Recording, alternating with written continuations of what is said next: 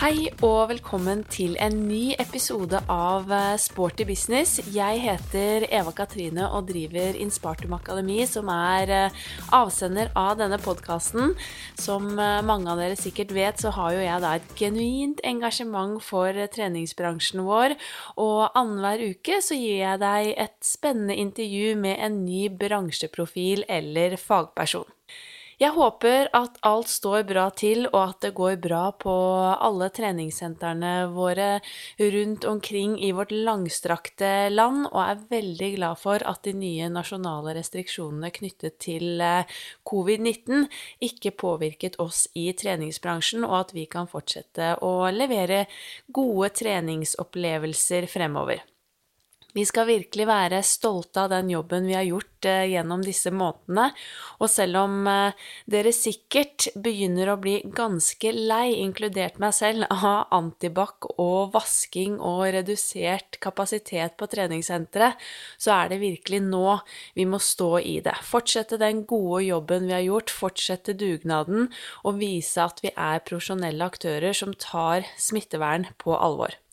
Og det er jo på denne måten vi kan klare å holde dørene åpne og gi folk en viktig arena for fysisk aktivitet, trening og påfyll i en utfordrende hverdag som vi fortsatt befinner oss i. Fysisk aktivitet, det er jo medisin mot det meste, vil jeg si, og det tipper jeg dere mange er enig i, og ekstra viktig i da en tid som denne. Da også kanskje topplokket er litt ekstra stressa, og det er mye uro på innsiden. Mange sitter også kanskje alene hele dagen på hjemmekontor, så er det ekstra viktig og ekstra hyggelig å kunne komme på et treningssenter, kanskje få sett litt andre mennesker, vært med på en gruppetime, og ikke minst få beveget kroppen. Så all aktivitet er jo virkelig magisk. Og yoga er jo også en aktivitet som kan være spesielt fint i denne tiden, både for kropp og topplokk. Og nettopp yoga er det vi skal eh, snakke om i dag. Hvordan lykkes med yoga som eh, treningsform eller som tilbud på treningssentre. Yoga har jo blitt et viktig tilbud ved de fleste treningssentre i dag, men eh, hvordan skal man lykkes? Hvordan skal man få det til å fungere? Og kanskje du har et treningssenter hvor du ønsker å komme i gang med et yogatilbud. Hvordan skal du gjøre det? Så sammen med meg i dag så har jeg Astrid Salthaug. Hun er yogalærer og daglig leder ved Joy Yoga i Oslo. Hun har lang erfaring fra bransjen, og jeg gleder meg nå til å dele yogaprat med dere sammen med denne dyktige og inspirerende dama. Hjertelig velkommen til eh, Sporty business, eh, Astrid. Tusen takk, Eva Katrine. Veldig, veldig hyggelig å være her. Veldig hyggelig å høre, og jeg gleder meg jo nå til at vi skal snakke om et uh, tema som vi begge to brenner for, nemlig yoga. Og så skal vi snakke om hvordan treningsbransjen som helhet, eller da treningssentrene, kan lykkes med yoga på sitt senter. Men først, alltid hyggelig å bli kjent med dagens gjest i Sporty business. Så har du lyst til å fortelle litt om hvem du er, og hvordan du havnet i denne fantastiske bransjen vår. Ja, det har jeg veldig lyst til. Jeg kan jo bare kort si hvem jeg er først akkurat nå. Hvem jeg definerer meg som nå. Nå er jeg yogalærer og driver et yogastudio. Og jeg har vært i treningsbransjen siden 2010, så det er ti år siden. Det var litt sjokkerende da jeg måtte begynne å tenke over det. Tiårsjubileum i år. Tiårsjubileum. Feiringen blir liten. ja. Vi får ta den igjen senere. ja. Så det startet med at eh, jeg tok en PT-utdannelse i 2010. Men jeg har ikke jobbet direkte som personlig trener. Men eh, jeg gikk inn i å bli gruppetreningsinstruktør. Som sikkert varmer ditt hjerte å høre. Veldig. Ja. Men um, kompetansen som PT syns jeg er veldig viktig å ha med seg. Altså, lærdom er aldri feil. Så jeg begynte å studere økonomi. Og samtidig som jeg studerte økonomi, det var da jeg var gruppetreningsinstruktør. Så saltimer, jeg tok kurs i det. Og sykkeltimer, tok kurs i det. Drev hele tiden med yoga på si. Det har jeg drevet med siden 2007. Ja. Så det har hele tiden vært en sånn sidegreie, bare min egen hobby. Noe som hjalp meg i å finne ro og balanse i livet. Så da har jeg vært eh, der på treningssentrene og hatt gruppetimer. Endte etter hvert i resepsjonen også, på et senter.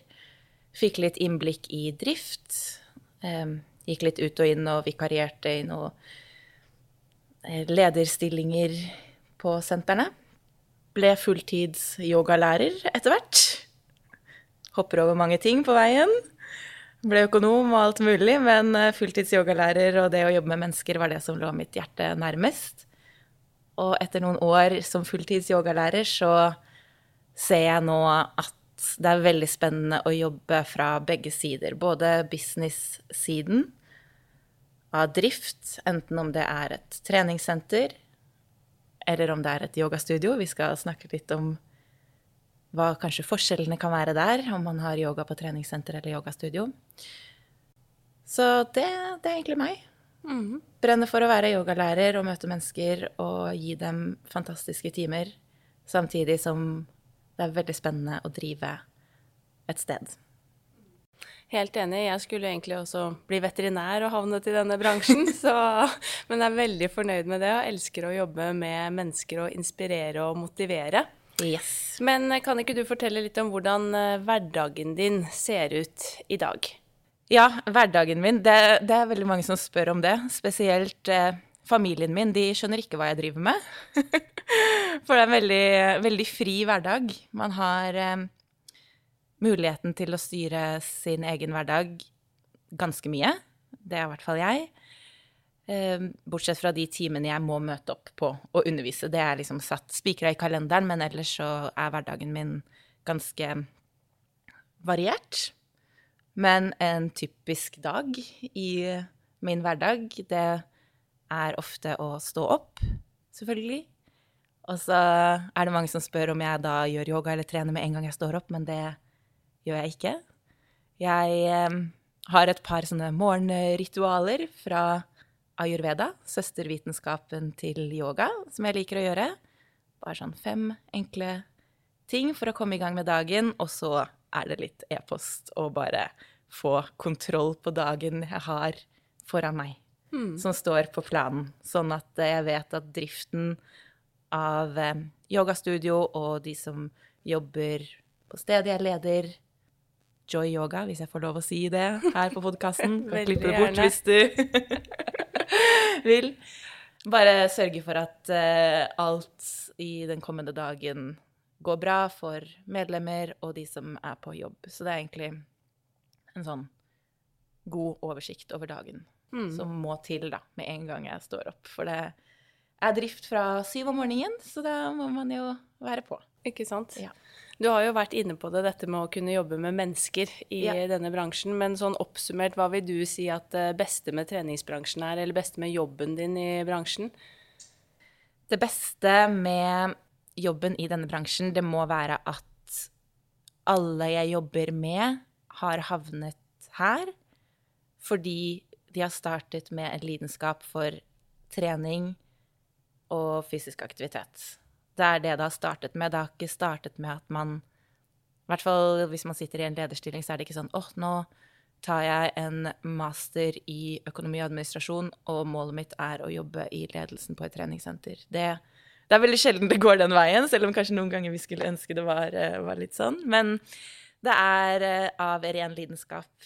Så det at man møter mennesker som virkelig har lyst til å møte opp på jobb, som brenner for det de skal levere, det er det beste, tror jeg, med å, å jobbe i denne bransjen. Mm. Og at jeg vet så godt at det er så viktig, det vi gjør. Det er så mye både mental eh, helseplager og fysiske helseplager som kommer enda vi vet mer og mer om fordelene med både fysisk trening, mental trening, så er det bare, dessverre, mer og mer plager. Så hvis vi kan være med å redusere det ja. Så veldig Det er bare, det er bare positive ting. Ja, og det med lidenskap. Altså alle som har hørt denne podkasten og episodene, så tror jeg Altså lidenskap har vært nevnt i hver eneste episode siden eh, jeg startet opp. Så det er en ekstremt lidenskapelig bransje. Eh, selvfølgelig på godt og vondt, men eh, det er jo det som jeg også syns er helt fantastisk og unikt med denne bransjen. Men vi skal jo inn på temaet i dag, som da er yoga på treningssenteret, eller hvordan lykkes med yogatilbudet. Mm. Som du har nevnt, så har jo du erfaring både da fra vanlige treningssentre eller fullservicesentre, og også mye erfaring fra yogastudier som har blitt mer og mer populært de eh, senere årene. Hva vil du si er den store forskjellen på treningssentre som leverer et yogatilbud, kontra yoga, rene yogastudioer? Før jeg begynner å snakke om det, så tenker jeg bare at vi skal definere litt hva vi snakker om når vi snakker om yoga akkurat i dag i denne podkasten. Fordi yoga betyr egentlig bare union. At man skal knytte sammen kropp, sjel og sinn. Og under den yogaparaplyen så finnes det veldig mange ulike praksiser. Det kan være bare hvordan du er utad som menneske, eller innover. Og så er det den fysiske praksisen. Jeg tror det er der vi lander i dag. Men det er også pusteøvelser, det er konsentrasjonsøvelser, meditasjonsøvelser. Så yoga er et overordnet begrep, og så jo mer yoganerd man blir, i gåseøyne, så blir man sånn Å ja, men du har vært på yoga. Hva slags yoga var du på? Og det begynner å tenke at det kan være mange ting. Men i dag så tror jeg vi holder oss til det fysiske aller mest. Så skal jeg heller poengtere hvis jeg mener noe annet. Syns du det høres greit ut? Veldig bra. Ja. Og jeg tror også det er litt viktig for folk å forstå at eh, ja. yoga For for veldig mange så tror jeg at yoga er bare de fysiske posisjonene og de kanskje rare stillingene du gjør på matta. Men eh, som du nevner, yoga handler jo om så utrolig mye mer. Og det er jo det som er fascinerende og spennende når man setter seg litt mer inn i yoga og lærer mer og mer. Men eh, for i uh, hvert fall den vanlige mosjonisten og veldig mange som uh, har hørt om uh, yoga, så er det nok den fysiske praksisen. Men mer og mer tror jeg også en del pust, da.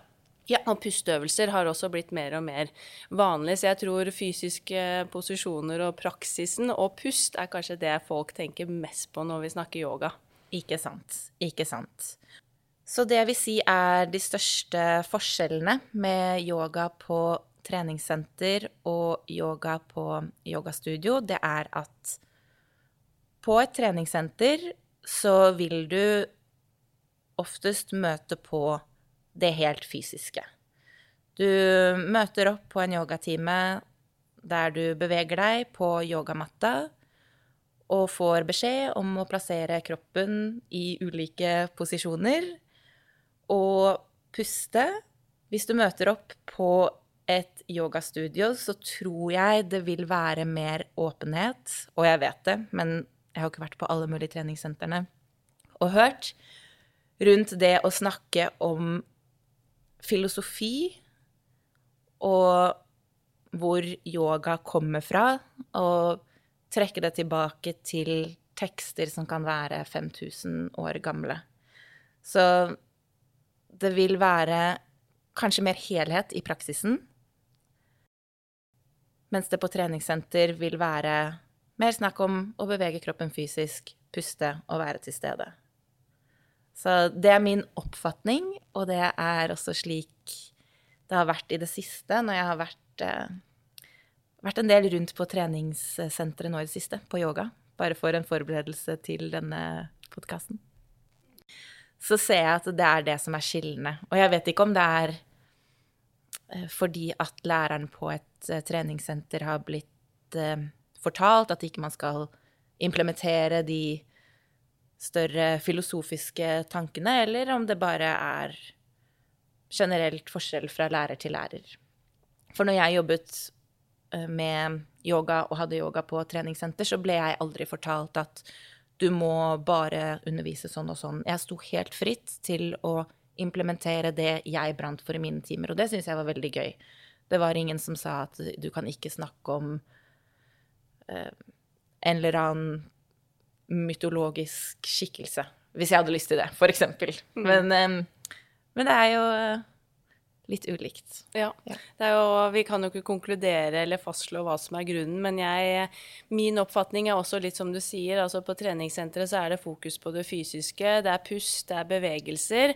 Og jeg har jo møtt noen eh, yogalærere som inkluderer mer filosofi og snakker mer om hva yoga er også på treningssenteret. Så jeg i hvert fall min sånn personlige tanke om det er vel at det er litt individuelt hvor interessert yogalæreren selv er i det, og hvor mye man praktiserer selv. Mange som jobber på treningssenteret har kanskje én yogatime i uken, men så har de spinning og styrke og dans i tillegg, og da man like Går man kanskje ikke like dypt inn i yogapraksisen, for det handler jo om å ha mye kunnskap om filosofien, tankene bak, hva det egentlig stammer fra, hva hele dette yogabegrepet innebærer, for å også kunne formidle det til deltakerne. Og på et yogastudio så har man kanskje i enda større grad litt faste kunder som kommer. Der, eh, man, der har man kanskje of, ofte også kurs i større grad, og da er det jo også lettere, i hvert fall min opplevelse, å snakke om noe mer enn når du hele tiden har sånne drop-in-timer på senteret hvor det kommer de som har vært der mange ganger, til de som er helt nye på matta. Så er det enklere å da bare skalere litt ned og gjøre det veldig enkelt. Og så er det jo det at på yogastudioer så er det jo ofte andre type timer kanskje enn det man ser på et senter. Der kan man kanskje ha rene mindf altså mer mindfulness eller meditasjonsklasser. Det er ulike workshops, men på senteret så blir det, som du nevner, kanskje mer den fysiske praksisen, men også mer, mer og mer yin-yoga avspenning. For det har jo folk skjønt at vi har godt av og behov for. Ja. Og jeg syns det er så fint at det beveger seg i den retningen av at det blir mer og mer yoga på treningssenter, fordi eh, før, altså Det er ikke så mange år tilbake i tid, og jeg får det spørsmålet fremdeles, fordi jeg praktiserer ikke bare yoga. Jeg gjør mange andre fysiske ting med kroppen min, og jeg kan få spørsmål fra noen som driver med yoga, som bare gjør yoga, som lurer på å, men kan du praktisere yoga samtidig som du trener? Ikke samtidig, da, men kan det være en del av hverdagen din at du praktiserer yoga og gjør styrketrening, eller og løper? Svaret er ja. Selvfølgelig kan det det, fordi yoga er igjen bare enda et ekstra verktøy du kan legge inn enten i din mentale trening eller fysiske trening for å optimalisere livet ditt enda mer. Så det betyr ikke at hvis du må begynne med yoga, så må du bli en som går på yoga hver eneste dag, står opp klokka seks, hardbarka. Nei, bare legg det inn. Altså, én gang i uka er bedre enn ingen. Kroppen din trenger en strekk, og du kan fint ta det blant gruppetimene på treningssenteret. Så det er så bra at det er en del av tilbudet. Mm, veldig fint sagt. Og som du nevner, det er jo mer og mer av det, og i dag så opplever jeg at de fleste treningssentre ser på yoga som et viktig tilbud, og de ønsker å ha det vi kanskje ofte kaller for da body and mind-timer på eh, timeplanen. Men hva vil du si gjennom dine år med erfaring fra senteret og som også leder på senteret, er de viktigste tingene som skal til for å lykkes med et godt yogatilbud på et treningssenter? Det viktigste som skal til for å lykkes med et godt tilbud, er jo veldig varierende ut ifra hvor i landet Eller nesten bare hvor i Oslo, vi er i Oslo, ditt treningssenter er. Det er veldig forskjellige kundegrupper fra sted til sted. Så først må man jo bare kartlegge hvem som er kundene sine.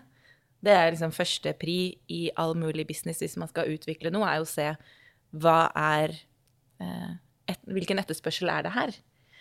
Men så kan jo det være litt vanskelig igjen, fordi mange der ute vet ikke altså, at, altså, de har hørt om yoga, men de vet ikke at det finnes ulike former for yoga, så man kan kanskje ikke spørre dem så nøye hva vil du med yogaen? Så jeg tenker et veldig greit sted å starte er å bare ha to timer på timeplanen. Hvis du vil starte smått. Og da ha god variasjon i disse to timene. Så den ene kan være en ganske fysisk, dynamisk time. Mange har kanskje hørt om vinyasa-yoga eller flow-basert yoga. Dette vil for mange være både styrkebyggende og øke fleksibiliteten. Og her vil kanskje også noen si mm, nei, du blir kanskje ikke så sterk av å gjøre det. Men det kommer helt an på. Det er sånn som med gruppetrening. Jeg vet at du har snakket om det tidligere på podkasten din, at dere har diskutert er gruppetrening bra trening. Så er det sånn Hvis ikke du i det hele tatt liker å trene, ikke liker å bevege deg, ikke liker noen ting, hvis du liker å gå på yoga, så kommer du til å bli sterkere av å gjøre det. Du kommer til å bli mykere, du kommer til å bli roligere. Hvis målet ditt er å bli verdens eh, sterkeste i styrkeløft, nei, kanskje ikke det er liksom vinyasa flow som er eh, det beste å gå på, men du kan fremdeles implementere det i din treningshverdag. Mm. Og man kan jo få veldig mange gode effekter som man kan ta med seg over i annen trening. Det er jo mhm. mange som trener styrke som hadde trengt bedre bevegelighet, f.eks. Ikke sant. Men da kommer jeg også over på, på den andre timen jeg ville valgt, som er noe mer basert på yin-yoga. Yin-yoga stammer fra kinesisk medisin, og så holder man posisjonene over lengre tid. Tre, fire, fem, seks minutter. Og så bruker man masse utstyr, puter, klosser for å bygge opp så ikke det er helt utholdelig å være i posisjonene. Og det er kanskje denne formen som jeg både ser og anbefaler Eller jeg ser den er etterspurt fra de som trener veldig mye allerede, som har en hard fysisk trening i hverdagen sin allerede. Eh, de etterspør denne formen for yoga. De trenger De vil bare strekke tøye, som de sier. Og det er det jeg også anbefaler de som trener veldig mye. Jeg vil ikke anbefale dem å gå på nok en hard styrkebyggende yogatime. Da trenger de balansen, de trenger motsetningen. Men hvis du allerede er en veldig bedagelig, altfor rolig person som burde begynne å trene litt, da burde du kanskje teste den mer dynamiske, kraftfulle formen. Så det er disse to timene jeg ville anbefalt å satse på hvis jeg drev et studio. Ja. Ja, for det fins jo et hav av ulike yogaformer. Mm -hmm. Og det vil i hvert fall jeg oppfordre alle til også, som eventuelt ikke har testet yoga ennå, eller som kanskje har gått på én yogatime og tenkte at dette her var ikke noe for meg, så er det et veldig viktig poeng det å fortelle at det fins veldig mye forskjellige yogaformer, og ikke minst, det er jo stor forskjell mellom yogalærerne eller yogainstruktørene, så man må liksom teste ut flere ting, så man finner noe som passer for en selv. For jeg husker når jeg testet yoga for første gang i det tror jeg var i 2007, for da hadde jeg jo hørt mye om yoga, da begynte det liksom litt å blomstre. Eh, og jeg testet ut og syntes det var helt grusomt, for å være ærlig. Altså, det var så forferdelig. Jeg følte meg som en sånn idiot på matta. Alle andre var slangemennesker rundt meg. Jeg var absolutt ikke veldig fleksibel. Alt gjorde vondt. Det var en veldig spirituell lærer. Jeg skjønte egentlig ingenting av hva vi holdt på med. Hadde meldt meg på egentlig, det var et seks ukers kurs i klassisk yoga yoga. Jeg var der tre ganger, og så orket jeg ikke mer. det er morsomt at du deler det, for jeg har samme opplevelse. og så tenkte jeg bare hm, alle snakker jo om denne yogaen og at det er så fantastisk. Så det må jo, liksom, det må jo være noe der jeg ikke har catcha.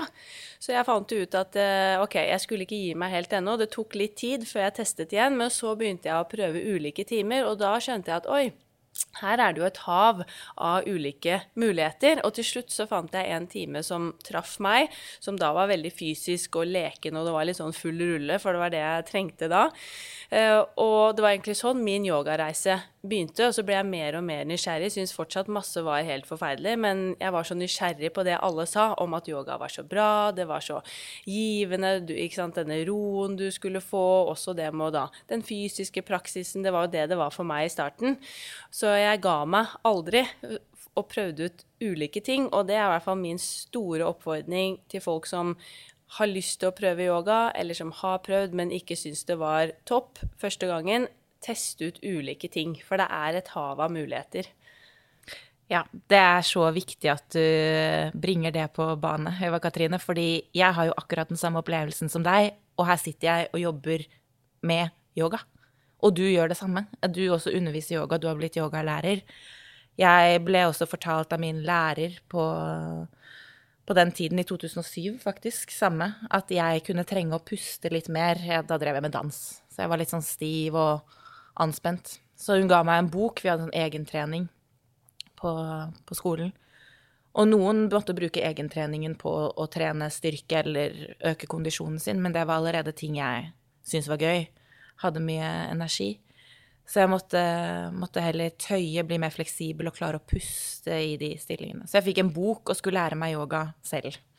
Gørrkjedelig. Men jeg har også holdt ut, og så begynte jeg å finne noen lærere som hadde det lekende. Og så For meg så var det da jeg skjønte at det var mer enn bare det fysiske. Da ga det mening for meg å fortsette å gjøre det, fordi hvis det bare var det fysiske, da kunne jeg gjøre noe annet fysisk enn yoga. Mm. Så jeg syns hele den pakka var uh, veldig bra. Ja. Ja. ja. nei, det var en lang modningsprosess, vil jeg si, for min del. Ja. Så, og jeg, jeg, sa ganske bastant at jeg hater yoga. Jeg skal aldri være yogainstruktør eller yogalærer. Og her sitter jeg også og underviser mange yogaklasser i løpet av uken, så man skal aldri si aldri. Men det handler om å teste ut uh, ulike ting, og ikke bare tenke på den siste yogatimen man eventuelt testet ut, og tenkte at dette her er virkelig ikke noe for meg, men uh, våge å prøve flere ting. Så for et treningssenter da, så anbefaler vi en type vinyasa eller en flow, en aktiv time og en rolig time, i hvert fall hvis man skal starte opp med et tilbud. Mm. Uh, har du noen tanker om liksom, lengde på disse timene, varighet? Er det noen uh, generelle anbefalinger du vil gi der? For jeg må innrømme at jo mer yoga jeg har gjort, jo lengre timer vil jeg ha, men jeg tror nok kanskje ikke det er uh, det helt nye kanskje ønsker. Ikke sant. Helt enig. Det er jo første gang man kommer på yoga, så tenker man kanskje å, 20 minutter, det var, det var lenge. Men um, hvis man starter opp med yoga på et treningssenter, så vil jeg anbefale, og det jeg har sett da jeg har jobbet på treningssenter også, som jeg ser nå på veldig mange senter, er at de har timer som er på omtrent samme lengde som en annen gruppetime. Som en spinningtime. 55 minutter time. Så det kan være et veldig fint sted å starte. Men hvis du da også vil få med deg disse som har gjort yoga litt lenger og syns det er deilig med en lengre praksis, legg disse to timene etter hverandre. Eh, kanskje du etter hvert ser at du kan sette det opp eh, flere ganger i uka med to timer etter hverandre. Mandag kveld, torsdag kveld, så du har 55 minutter med vinyasa. Så er det en fem minutter pause, som man får byttet eh, om på elevene i salen, eller de som vil være med på to timer, kan være der til neste time. Og så tar du inn praksisen etterpå. Du kan også ta motsatt rekkefølge. Det finnes ikke noe rett og galt om hvilken praksis som skal være først eller etterpå. Ikke sant. Godt tips. Og det går jo også an å lage kombinasjonstimer med både litt fysisk og ja. så roe ned, hvis man vil eh, introdusere det for medlemmene, f.eks.? Ja. Jeg har i dag tidlig undervist en time som eh, er veldig populær der hvor eh, jeg jobber nå, som heter Yang Yin. Som er første halvdel er basert på vinyasa, og andre halvdel er basert på yin. Så det, da får man både i pose og sekk. Ja. Når man møter opp på timen, hvis du bare smakk, smakk, vil ha alt inn på 60 minutter, så får du beste av begge verdener samtidig. Mm. Og det er en veldig fin introduksjon også. Absolutt. Men det som er vanskelig, tenker jeg, for en senterleder som vil begynne å starte opp med yoga, er jo akkurat det samme i gåseøyne problemet som vi to møtte på da vi prøvde yoga for første gang. Det er et hav av instruktører. Du kan ha 100 vinyasa-yogainstruktører eller flow-yoga-instruktører. Og alle har en ulik måte å undervise på. 100 forskjellige tilnærminger. Så det er jo da igjen hvordan skal du vite hvem du skal ansette? Eller hvilken ja, lærer du skal ha. Selvfølgelig. Det er jo en utfordring. Og da tenker jeg at man må jo også man må i starten kanskje bare teste ut litt mm. uh, ulike timer og ulike instruktører. For som senterleder så er det jo ikke sikkert at man heller sitter på kompetansen selv knyttet til yoga og hva det er, og hva en time skal inneholde, og de ulike typene. Og da er det jo vanskelig å vite om en instruktør kommer til å funke uh, kontra en annen. Så jeg tenker at der må man jo bare være litt raus og teste ut også. Ja. Og gjøre litt undersøkelser blant medlemmene etter hvert, hva de ønsker, hva de eventuelt vil ha mer av, f.eks. Ja. Men på et senter um, ville du anbefalt bare drop-in-timer, eller også kurs, type nybegynnerkurs i yoga? Nå, nå er hele tiden hodet mitt, eh, når jeg snakker om business-delen av alt dette her, så er jeg litt sånn før og etter korona inni hodet mitt. Men um, jeg ser jo at eh, drop-in-timer nå er jo veldig populært. Det er vanskeligere å få folk til å melde seg på lengre kurs. Men jeg ville kanskje anbefalt å ha et, et kortere kurs, ikke ha kurs over et helt semester. Bare et introduksjonskurs på to-tre ganger, eller eventuelt bare hatt en introduksjonsdag som er flere timer på en lørdag eller en søndag, hvor du får eh, de grunnleggende prinsippene forklart, sånn at man vet hva man har i møte når man kommer på en yogatime. For jeg har jo hørt mange si å, det er så vanskelig å komme på yoga fordi de snakker et sånt språk som jeg ikke skjønner, og bla, bla, bla. Og så måtte jeg le litt etterpå, for da dro jeg på en crossfit-time, og så tenkte jeg sånn Her snakker de også et språk som man, man må lære seg med sånn amrap og romwood og alle de Det er jo altså alle, alle Det er en egen kultur, da, i alle mulige gruppetreninger som man Det tar litt tid Ja. å lære seg det, så Drop-in, det er eh, kjempefint, og folk nå syns det er veldig, veldig enkelt.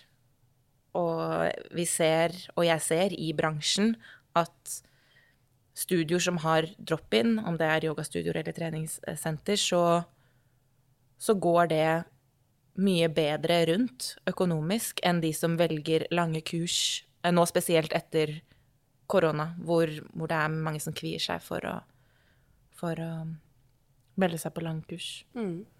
Ei introduksjonstime eller et sånn kortkurs tror jeg kan være veldig lurt, i hvert fall hvis senteret kanskje aldri har hatt yoga, for da er det jo For mange er det kanskje helt nytt. Noen har kanskje noe kjennskap til det på, fra egen hånd eller fra andre sentre, men eh, å få den eh, lille introduksjonen så du ikke føler deg lost når du kommer på matta, og at man eventuelt også er veldig tro til at man kjører nybegynnertimer, så det ikke blir for avansert nivå når man setter i gang på et senter, tror jeg er veldig lurt.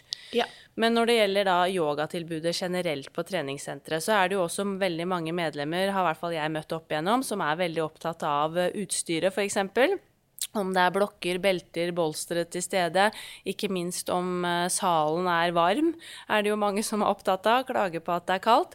Og på et treningssenter som ikke har mulighet til å ha en egen yogasal, så er jo ikke spesielt det med temperatur er ikke lett, for du skal kanskje ha en høypulstime først hvor du trenger god ventilasjon, og så kommer det da en yin-yoga eller en annen yogatime hvor folk gjerne vil ha det litt eh, mer eller litt varmere og godt temperert.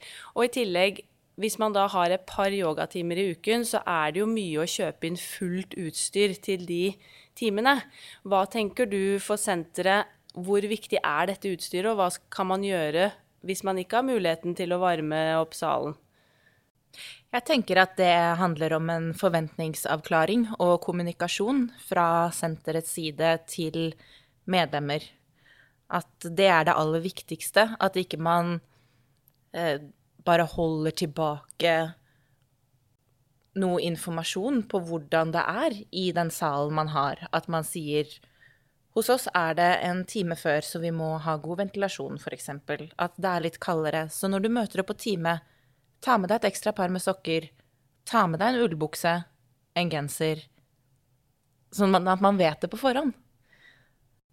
Og da opplever eh, jeg, og har opplevd i min tid i bransjen, at da er det plutselig greit når de vet om det på forhånd. Så det er noe å bare stå stødig og tro i de kanskje i gåseøyne begrensningene man har som senter. Ikke prøve å late som at å, vi skal prøve å, å, å måtte nå de skyhøye kravene. Bare vær helt ærlig på det. Sånn er det her, sånn at man vet hva man skal ta med seg før man kommer. Så får man en god opplevelse uansett. Veldig bra. Helt enig. Mm. Det handler om forventningsavklaring og ja, lage det beste tilbudet man kan ha med de mulighetene man har til stede. Og det er jo ikke sånn at en yogatime blir veldig mye bedre fordi at det er varmt i salen. Man kan jo gjøre yoga hvor som helst, når som helst, så da er det heller bedre å kle på seg litt eh, ekstra. Men um, dette med utstyr, hvor viktig er det, tenker du? Og hva skulle man eventuelt investert i hvis man skulle valgt ut noe? Før korona, etter korona. Nei da. Nå må man jo ta med seg det meste utstyret selv. Så nå har vi jo sett at man får jo faktisk folk til å ta med seg ganske mye selv, hvis man bare har informert om det i forkant. Em, men sånn som der hvor jeg jobber nå, så lar vi elevene på teamet, eller medlemmene, få låne noe som heter klosser eller blokker. Firkantede klumper. Fordi de kan vaskes. Du kan få dem enten i korkmateriale eller i sånn gummioverflate, ganske myke, eller til mer harde. Og de kan vaskes etterpå. Og de klossene, de er mitt favorittutstyr, spesielt for dem som er ganske nye til yoga, for jeg har hørt mange sier, hvis ikke de har vært på yoga før, åh, nei, men jeg er ikke myk nok, jeg kan ikke gå på yoga. Selv om det er da man hadde kanskje trengt yoga. Hvis du har disse klossene, så vil de hjelpe deg til å bygge opp i enkelte posisjoner der gulvet kan føles litt langt unna. Man har kanskje ikke lange nok armer. Jeg pleier å si at man ikke har lange nok armer istedenfor å si at man ikke er myk nok. Fordi det kan man ikke gjøre så mye med, bare for å tone det litt ned. Så det er eh, det jeg ville virkelig anbefalt å kjøpe. Og du kan kjøpe det billig på nett når du kjøper et stort eh, kvantum. Det ene treningssenteret, det var ikke en stor kjede, men det var et lite senter jeg jobbet på en gang. Der fikk jeg dem til å kjøpe inn det. Det var det, det de kjøpte inn av utstyr. Og man kan gjøre veldig mye med de klossene. Og jeg syns det er veldig viktig å ha det med, fordi du kan modifisere så mye opp og ned i nivå eh, ut ifra hvem som møter opp på timen. Akkurat som at du på en styrketime, hvis du er i sal da og skal bruke noen manualer, så har du to kilos manualer, og du har åtte kilos manualer. Det er ikke sånn at alle må bruke åtte kilos manualer.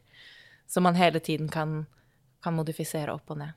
Mm, fin sammenligning, egentlig. For det er jo sånn dette utstyret i yoga også fungerer. Eh, min erfaring er også at jeg ville investert i blokker. Eh, og som du sier, koronatid eller ikke koronatid. Eh, nå er det jo sånn at eh, man må be folk eventuelt ta med et lite pledd hvis de vil. Eh, gjerne også egen matte, men eh, disse blokkene er lettere å vaske. Men hvis vi tenker også utenfor koronatid, Altså så si at man da har matte, og så har man blokker, eventuelt da pledd til utlån, eller folk tar med eget pledd, så syns jo jeg disse blokkene er fine, fordi du kan bruke de da både i den fysiske yogaen eh, til god hjelp, men så er jo også da blokkene geniale til yin-yoga, for eksempel, hvor man trenger å putte under eh, et kne eller en eh, hofte eller det ene og det andre, så funker jo da eh, to blokker like godt som store bolstre, altså disse store putene som man bruker. Eh, Så det er jo ikke et must. Så jeg også ville absolutt anbefale ja, matte og blokker, da, hvis vi skal Ja. oppsummere. Og kanskje et lite teppe, for da kan du også rulle teppet sammen, eller pakke blokkene inn i teppet, så får du en slags bolster eller sånn pute som Eva Katrine snakket om. Ja, det er akkurat det, for de kan, eh, de kan brukes til så mye, da. Mm. Eh, yoga syns jo vi er en fantastisk eh, treningsform, både da fysisk og mentalt. Eh, selv om det tok meg lang tid, så har jeg i hvert fall eh, kommet til den konklusjonen, og er jo nå blitt eh, veldig glad i yoga. Men jeg opplever jo fortsatt at det er veldig mange som vegrer seg for i det hele tatt teste yoga. Det eksisterer fortsatt mange fordommer og myter knyttet til yoga, opplever jeg. Har du noen tanker om hvordan vi kan få liksom klare å bryte ned disse barrierene hos folk og få de inn på matta? Ja. Så bra. Jeg vet det. Fortell, fortell. Det som er, eh, det som er så fint, er at det kommer mer og mer vestlig forskning på yoga, som er en østlig praksis. Så um, jeg ville brukt Selv om ikke det er så mye forskning enda, så kommer det stadig vekk noe nytt. Og jeg vet at alle her i Norge er ganske glad i å se at eh, forskning viser at bla, bla, bla. Da, da, da tror man litt mer at det, det har noe godt for seg. Så jeg ville anbefale um, alle som jobber da i ledelsen på et treningssenter, som vil få yoga ut til folket, om å benytte seg litt av denne forskningen de kan uh, finne. Og så vet jeg jo ikke helt hva akkurat hva alle disse mytene kan gå i, men en tanke jeg nevnte du i stad, det er mange som mener at de er ikke myke nok for å gå på yoga, og jeg tror at sosiale medier og Instagram har eh, hatt et utrolig Altså, de har jo formidlet yoga veldig godt. Alle har jo skjønt hva yoga er gjennom sosiale medier, tror man. Men um, det er fordi at man bare kan ta bilde av fysisk, en fysisk posisjon med kroppen. Og det er mer spektakulært å se noe som ser superfleksibelt ut. Og man tror da at yoga må se ut på den måten. Men det handler om den følelsen du får i kroppen, og det trenger overhodet ikke å se ut på den måten du ser på et helt sånn crazy bilde på Instagram eller andre sosiale medier. Og, og jeg tror folk glemmer litt det. Jeg pleier, å, jeg pleier, å, le litt når folk sier at Eller jeg pleier ikke å le høyt av det, men le litt inni meg, da. Hvis de sier at ikke de er myke nok, for da er det litt sånn samme med de vektene at du tar ikke 100 kilo på ryggen i knebøy første gang du møter opp i styrkerommet, men jeg hører ikke så mange si 'jeg kan ikke begynne å trene styrke fordi jeg er for svak', eller jeg kan ikke begynne å trene kondis, for jeg har så dårlig kondis. Så det, det er eh, Det er veldig morsomt Kanskje at noen blir truffet av det, men det, det, er faktisk, eh, det er faktisk sant. Men det er jo kanskje litt andre fordommer enn bare de um, fleksibilitetsfordommene. Det er jo Man kanskje kan tro at det er religiøst eller veldig spirituelt. Og yoga igjen er jo veldig mye for noen mennesker, noen regioner eller noen kulturer. Så knytter man det mye mer til buddhisme eller hinduisme. Men yoga er ikke en religion, det er en filosofi. Men man kan knytte det til tekster eller til tanker som har vært der. Og igjen så vil det være ulikt fra instruktør til instruktør. Så man finner den instruktøren som passer seg, og ikke hver eneste yogainstruktør eller yogalærer passer alle. Nei. Nei, jeg tror nettopp det er mye av det du sier nå. Det er jo morsomt det der med at eh, jeg heller hører ingen som sier at jeg er for svak, så derfor kan jeg ikke begynne å trene styrke. Det er jo nettopp derfor man begynner å trene styrke. Ja. Men på yoga så hører jeg i no, altså, gjentatte ganger ja, men jeg er så stiv og støl, så, eller jeg er så liksom, lite fleksibel, så de vil ikke møte opp på matta. Og det er jo nettopp derfor man burde kommet. Men så tror jeg jo mange da er litt sånn, De syns det er sånn veldig høytidelig, kanskje. At det er litt sånn skummelt. At det, det skal være så veldig sånn ordentlig. At uh, noen er jo redde for at det er veldig religiøst, eller at det er knyttet til noe religion. Det har jeg også hørt. Men jeg føler at mange har et litt sånn Ja, det er som du sier, Instagram, at det skal være så spektakulært, selvfølgelig. Eh, men også det at det er litt sånn skummelt, og at de ikke helt vet hva som skjer i den salen. Så i hvert fall mitt eh, mål med yogaen har jo vært å prøve å liksom folkeliggjøre det. Eh, gjøre det morsomt, at man kan leke, at man kan si rare ting. Man kan se rar ut, man kan le, man kan smile selv om man er på yoga. Trenger ikke å være blodseriøst. For jeg har jo opplevd mange av de timene selv som du kanskje føler blir veldig høytidelige. Og da blir det kanskje også mer skummelt. Og på et treningssenter så tenker jeg igjen da sånne små åpne dager eller åpne timer på kanskje bare en 30 minutter. Komme og test. Eh, prøve det ut er jo fine måter å få folk inn. Ja, det er det. Og det jeg tenker en dyktig yogalærer eller en dyktig yogainstruktør er, er jo å se an hvem man snakker til. Det blir som all annen kommunikasjon. Hvis du er en avsender av noe, så må du se hvem du snakker til. Og hvis du, altså forhåpentligvis, da, eh, som yogalærer, så vil du at mange skal oppdage og fortsette med denne praksisen eller denne treningsformen.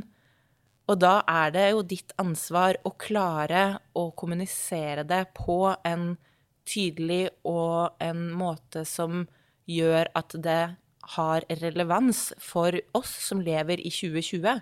At ikke det er noe som har relevans for noen som levde i 1890. Så det er veldig viktig det du sier, at man kan tulle, man kan trekke paralleller til altså helt populære ting. Man kan også ta inn helt moderne visualiseringsteknikker eller forskning. Altså se an hvem du snakker til. Det er det, er det viktigste. Mm, helt klart. Og jeg husker selv Jeg var jo som sagt kjempeskeptisk til yoga i starten, og det tok meg lang tid. Og så husker jeg en av de, de gangene det også løsnet for min del, det var jo det når jeg også skjønte at dette her er på en måte en egen reise. Det er ikke prestasjon inne i bildet, for jeg var jo selvfølgelig veldig opptatt av de andre rundt meg på matta når jeg var på yoga første gangen det å klare å slippe den tanken om noen forventninger til deg selv og at du skulle prestere på den matta, men bare få lov til å være, og det å gjøre din greie, og det å være da flink som instruktør og formidle det, det med alternativer, at man kan ta pause, at man liksom skal fokusere på seg selv, er jo viktig. Og så husker jeg på når jeg startet min yogautdannelse, så diskuterte vi hva er egentlig yoga, hvor vi da snakket om union, dette med å da skape en balanse og en eh, connection mellom kropp og sinn og sjel. Og da så er jo pusten verktøyet for å komme dit, det å, å skape denne um, balansen mellom kropp og sinn. Og så husker jeg vi snakket om og diskuterte dette, hvor vi kom frem til at du kan jo i prinsippet, hvis du drar det langt, si at det å gjøre en knebøy med total tilstedeværelse i øyeblikket, i bevegelsen og med pusten din, er yoga. Og for min del så var det sånn Ah, det var et gjennombrudd. Fordi jeg har jo tenkt på Når folk har spurt meg ja, hva er yoga, så syns jeg kanskje det har vært vanskelig å forklare det. Og folk syns jo at yoga er skummelt. Og hvor du da egentlig faktisk kan bryte det ned til noe så enkelt, for det er det det handler om. Det er en bevegelsespraksis eh, satt i system hvor vi bruker pusten i mye større grad enn hva vi gjør og tenker over ellers når vi trener eller beveger oss. Så for meg så var det en virkelig eh, åpenbaring. Eh, mm. Det er jeg helt enig i. Og jeg liker veldig godt den forklaringen. Den har jeg også vært inne på sammen med andre jeg kjenner, at eh, jeg tror mange kan gjøre mer yoga i hverdagen hvis de bare implementerer da pusten i de bevegelsene de velger å gjøre, selv om ikke de møter opp på matta. Da kommer vi over, over i hele den paraplyen da med alt annet som yoga favner enn akkurat de fysiske bevegelsene satt i mm. system, da. Så bare ha den yogiske tilstedeværelsen. Jeg gjør veldig mye yoga gjennom dagen i mange øyeblikk, men det betyr ikke alltid være fysisk på matta, da. Men, Nei. Mm. Så dere trenger ikke å være så avansert eller vanskelig. Men uh, det handler om tilstedeværelse og bruk av pust samtidig som du beveger deg. Men eh, jeg tror jo at eh, de som hører på nå, har fått veldig mange gode tips og råd til treningssenteret sitt, og kanskje litt mer sånn innsikt i hva yoga egentlig er, så vi skal begynne å runde litt av. Men jeg spør alle de som er innom podden, da, noen sånne avslutningsspørsmål. Vi har jo allerede vært inne på dette med mm, hva som er så bra med denne bransjen, hvor igjen lidenskap eh, kommer tydelig frem. Men er det noe du tenker at vi kan bli enda flinkere på sånn generelt i bransjen? Ja, det er det. det. det. som jeg var inne på helt i begynnelsen av podkasten, var jo det engasjementet at alle har kommet inn her fordi de um, brenner for en eller annen fysisk treningsform og vil dele den med folket. Og det er supert. Men så har det jo blitt en bransje. Det har blitt en bransje der det er eh, disse som jobber da i gåseøyne på gulvet, som jobber i sal, som er trenere, som har timene. Og så blir det også mer da en ledelse som sitter på toppen og skal holde i alle trådene og planlegge og velge hva man skal ha av timer, hvor man skal kutte kostnader, hvor man skal investere penger. Mm, og det som er bra, er jo hvis disse menneskene har den kompetansen eller noe av den kompetansen som de på gulvet har, og det er jo ofte det man har, at man på en måte klatrer oppover i graden, og så ender man, og så jobber man høyere oppe i, i systemet, i ledelsen. Men det det kan skorte på, er jo det å ha også litt eh, formell kompetanse akkurat på det å administrere, lede, kommunisere, lede en gruppe mennesker ikke lede en gruppe mennesker i en sal for å bevege kroppene, men bare lede dem mot samme mål. Ledelse, rett og slett.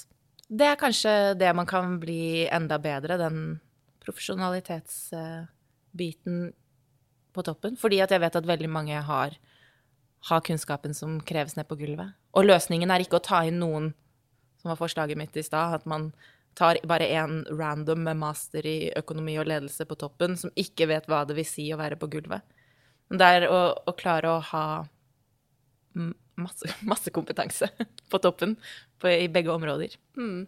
Helt enig. Vi har jo vært innom det, det flere ganger uh, i disse podkastepisodene også, men det er jo nettopp det jeg også ønsker for denne bransjen, med profesjonalitet, og med det nettopp det at de som også sitter på toppen, uh, for det første ha kunnskap om hva som gjøres på gulvet og til det daglige og rundt omkring i salene, men ikke minst ha kunnskap om det å da drifte et senter, som du sier, lede mennesker, lede mennesker mot et felles mål, være gode til å kommunisere. For det er jo ehm, Det er som jeg har sagt mange ganger tidligere, jeg har gått på NIH, skulle gjerne hatt litt mer business, sånn som du har hatt uh, i din utdannelse. Skjønte ikke hva jeg drev på med da jeg gikk tre år på økonomi og administrasjon, for da da hadde jeg ikke så mye glede av det. Sorry til alle mine forelesere der, men jeg, jeg, så ikke helt hvorfor jeg drev med det. Men nå gir alt mening. Mm. Ja. Og jeg tror det er jo mange av oss i treningsbransjen som har kommet inn i bransjen med da idrettsfaglig bakgrunn eller fra Ja, vi er glad i bevegelse, og så mangler man Skorter det kanskje på den biten. Så der tror jeg absolutt at bransjen vår hadde hatt godt av å få et lite løft. Så jeg er veldig enig med det du sier, Astrid. Eh, men helt til slutt, da har du noen tips til meg på hvem jeg kan eh, intervjuet i denne podkasten, er det noen du vil sende denne stafettpinnen videre til? Ja, det er kanskje uoppnåelig, men uh, Bent Høie, har han lyst til å komme? Har han, har han kanskje blitt foreslått flere ganger her? Det er foreslått flere ganger, og jeg har faktisk prøvd òg. men jeg har ikke fått noe svar ennå. Jeg syns i hvert fall det kunne vært uh, interessant å få mer uh, jeg vet ikke, i, i, noen land så blir i hvert fall yoga og pust og trening mer eh, skrevet ut nesten på resept. At man prøver de tiltakene mot enkelte lidelser. Så hadde det vært gøy å høre om han hadde noe spennende å si. Ja. Men um, Virkelig. Jeg skal ikke gi meg. Nei, Men jeg kan komme med et annet forslag òg, som kanskje er litt mer oppnåelig. Um, jeg vet jo at uh, online-trening og online-coaching har blitt veldig populært. Jeg vet ikke, Har du intervjuet noen uh, Nei, det står jo faktisk på lista. Det står på lista, også. men jeg følger, hvem er det jeg følger? Kristine Birkelund. Ja. Hun uh, altså, si, ser ut som hun gjør det bra i den bransjen, uten at jeg har hatt henne som uh, coach. Men ser i hvert fall ut som hun lever av det, og at det går fint. Absolutt. Et veldig godt tips. Ja. Det er jo virkelig vinden eh, om dagen, så det, det, har jeg lyst til å løfte frem. Mm, mm. Helt klart. Takk for gode tips, og jeg skal ikke gi meg med han Bent Høie, så får vi se om det lykkes en dag. Men uh, tusen takk for en utrolig fin uh, prat, Astrid. Veldig hyggelig å ha deg på besøk i poden, og jeg tror vi har fått, uh, ja, fått delt masse bra om yoga til lytterne våre i dag. Det tror jeg òg. Tusen takk for at du lyttet til eh, nok en episode av Sporty business. Det er bare å glede seg til en ny episode igjen om eh, to uker. Inntil da så kan jeg jo virkelig anbefale alle som hører på, å teste ut en yogatime om du ikke har gjort det før. Det er eh, en fantastisk treningsform både fysisk og mentalt. Det gjelder bare å finne den riktige yogaformen for deg, og ikke minst den riktige yogalæreren.